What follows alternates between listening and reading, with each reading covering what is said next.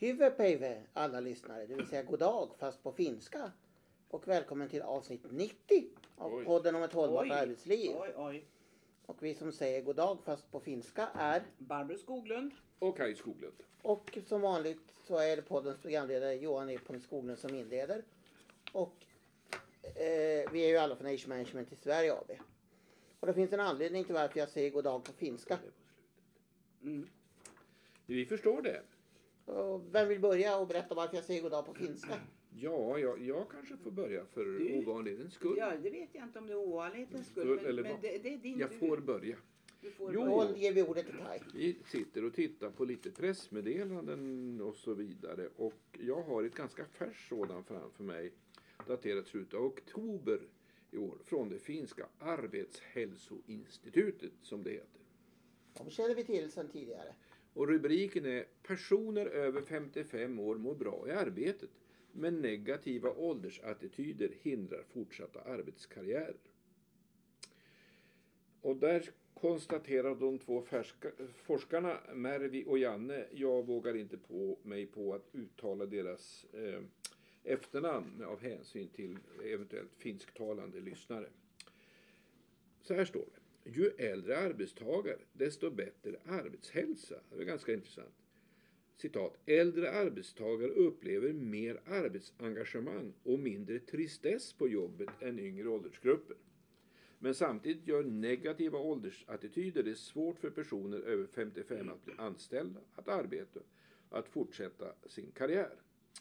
Och det här utmynnar då i en rekommendation från Arbetshälsoinstitutet att man ska aktivt stötta äldre arbetstagares karriärer. Det är väl inte så ofta man lyfter fram det minsann. Ja, vi gjorde det för har gjort det. Mm, Man säger, till, 20 år sedan. ja, man säger till och med att eh, när, det gäller, eh, när det gäller äldre arbetstagare kontra yngre, det finns färre belastande faktorer i arbetet och mer resurser hos yngre, säger en av forskarna. Också intressant tycker jag. Och med åldern betonas de positiva effekterna av arbete på resten av livet. Eh, mycket, jag tycker det här är riktigt intressant. Samtidigt så lyfter man fram att det krävs en större form av flexibilitet. Och det vet ju vi, om, som vi brukar ständigt upprepa, att ålder är ingen bra mått på arbetsförmågan. Den ju fler Den äldre, kronologiska den åldern. kronologiska åldern, ju fler äldre, kronologiskt äldre man har i, i ett arbetslag, desto större spretar det. Och det ställer krav på individuella lösningar och inte grupplösningar. Eller hur Barbro? Mm. Och framförallt handlar det inte om lätt, att det ska vara lättare jobb som ju den gamla vanliga, det kan det vara för vissa. Mm. Men absolut inte för alla. Några små nedslag till. Eh, möjligheten att påverka arbetstiden förlänger arbetskarriären. Alltså kan man Som påverka. av en händelse. Och det gäller särskilt om man arbetar i skiftarbete. Mm. För det blir ju tyngre med, med ålder. Det är vi- en del som det är en generell Ja, eh, det. åldersfaktor som inte har med, med sjukdom att göra. Och man, säger, man betonar också vikten av åldersmedvetet ledarskap hos chefer. Ja, Jag stannar där Barbro. Jag tyckte det här var lite kort men Det- lite och- intressant. Det, det är väldigt roligt det här eftersom att vi är ju stolta eh, föräldrar till uttrycket åldersmedvetet ledarskap. Mhm. Det började ju en gång i världen för vår del som de som har lyssnat på oss tidigare vet. Nämligen, det är ju det som vårt företagsnamn har, Age Management. Och det var då forskare i Finland som, som eh, hade myntat det uttrycket och när vi sprang på det, eller när Kai sprang på det hösten 2000 i Stockholm så handlade det om eh, inte eh, hudkrämer och annat som det visade sig när vi googlade på det som var väldigt mycket i USA bland annat. Utan när vi läste på kring det här och förstod vad det egentligen handlade om så insåg vi genast att det handlade om ledarskap. Det var Mm. management i- form av ledarskap. Och age management, det, då måste vi hitta ett, ett svenskt eh, ord för det här. Så vi hittade på efter många om och men, nämligen att det var åldersmedvetet ledarskap, det vill säga medvetenhet om hur kronologiskt kan påverka respektive inte påverkar arbetsförmågan hos medarbetare. Och det här, det första gången vi upptäckte det egentligen Johan, visst var det att när det eh, i Finland när man skrev någonting till regeringen eller vad. För du brukar du, du googlar ju på det här och, Jo, då hittar på. jag ibland. visst, var, visst var det så? Mm, det var det. Mm, Och då tyckte jag vad häftigt att i Finland så Mm. använder man då åldersmedvetet. Vilket de ju gör nu och fortsätter. Och även hittat man- man använder det på Island och på Åland och Just sådär. det, just det. Sen har det, har det, vi försökte, vad heter det nu, varumärkesdeklarera eller på att säga. Det där. Men det Registrera, Var, det registrerade va? Men det var för men allmänt. Men, det var för Mm. allmänt, men spelar roll. Eh, det, är, vi är, det är jätteroligt i alla fall. Jag har en annan, egentligen du sa här i oktober, min, min undersökning som eh, samma arbetshälsoinstitut eh, har gjort lämnade sitt pressmeddelande i början på juni 2023. Och det handlar egentligen om samma sak för de hade Mm. de bestämt sig att göra. Och när man läste igenom den är det jätteroligt för det var precis det vi gjorde i Mm. vår, våra så kallade stora interventioner Mm, mm. och det vi gjorde i Vattenfall. Ja. Vattenfall Service. Mm. Och som, där lever det fortfarande kvar för Mm, att det, mm. det, det, de, de hade, såg nyttoperspektivet i det. Och, och som vi brukar säga, det var den egna kassan som betalade det här. Man, man, men däremot interventionerna som var i Mm. en kommun och, en, och ett, ett landsting på den tiden, numera region, var det ett projekt. Mm. Och när projektet var borta så, Så var det borta. så hamnade det på projektkyrkogården. Som så många andra Ja. projekt. Ja. Och här har de, det här, vad ska vi säga, interventionen var att man, det är samma forskare, Mervi Rukkolainen, jag t- Du testar. vågade. Låter som salladen. ja just det, Rukka, ja just det. Rukkolainen, jo. Eh, hon, eh, eh, de, de ville göra en undersökning och ku- kunde man utbilda, handleda chefer genom, och förändra attityderna gentemot äldre arbetstagare. Det vill säga, gick det, och kunde man göra det i grupp. Mm. Och det visade sig att det kunde man göra Mm. i grupp. Man hade alltså utbildare och ja, handledare. Precis Ja, det vi gjorde. Vi utbildade vi gjorde. och vi ja. handledde för de som behövde det. Mm. Det vill säga hur kan man, för det handlar om hur man organiserar arbetet på individnivå och det, Mm, det du var mm. inne på i, i början här. Och vi, säger hon så här också. Vi behövde chefer som vill och kan stödja äldre arbetstagares arbetsförmåga och karriärer. Det vill säga, vi behöver ju äldre i arbetslivet och Mm, därför mm, måste vi ha chefer som förstår sig på det där. Och hon säger också att eh, vi ville utmana chefer som deltog i handledningen och utbildningen att fundera över sina egna åldersattityder och deras inverkan på hur arbetet drevs på arbetsplatsen. Och då har vi tillbaka till vad, var den, vad som var den viktigaste faktorn. Den egna chefens egna värderingar till sitt eget kronologiska åldrande. Yep. Och det beskriver man på det här sättet nu. Mm, Så de fortsätter alltså mm, mm. i den tradition då som levererades 1997 i- Ja. av det finska Idofal, eh, Arbetslivsinstitutet.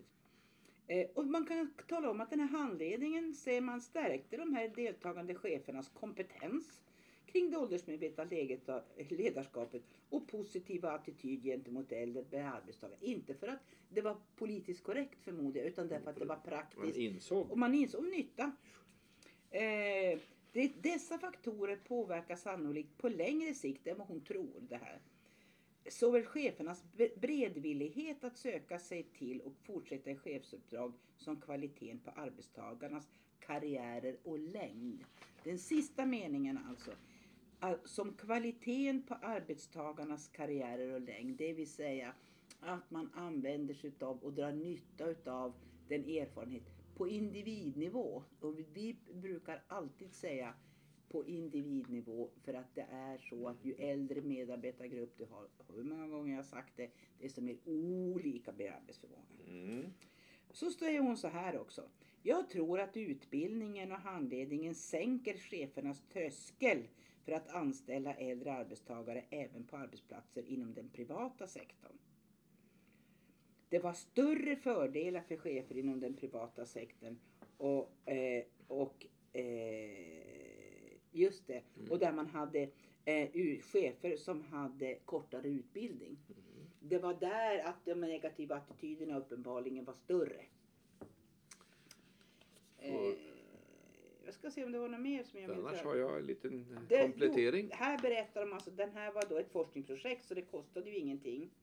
Och de har också lagt ut det naturligtvis på sin webbplats. Men, men eh, här ser man, och egentligen är det precis det samma resonemang som du och jag hade på den tiden det begav sig.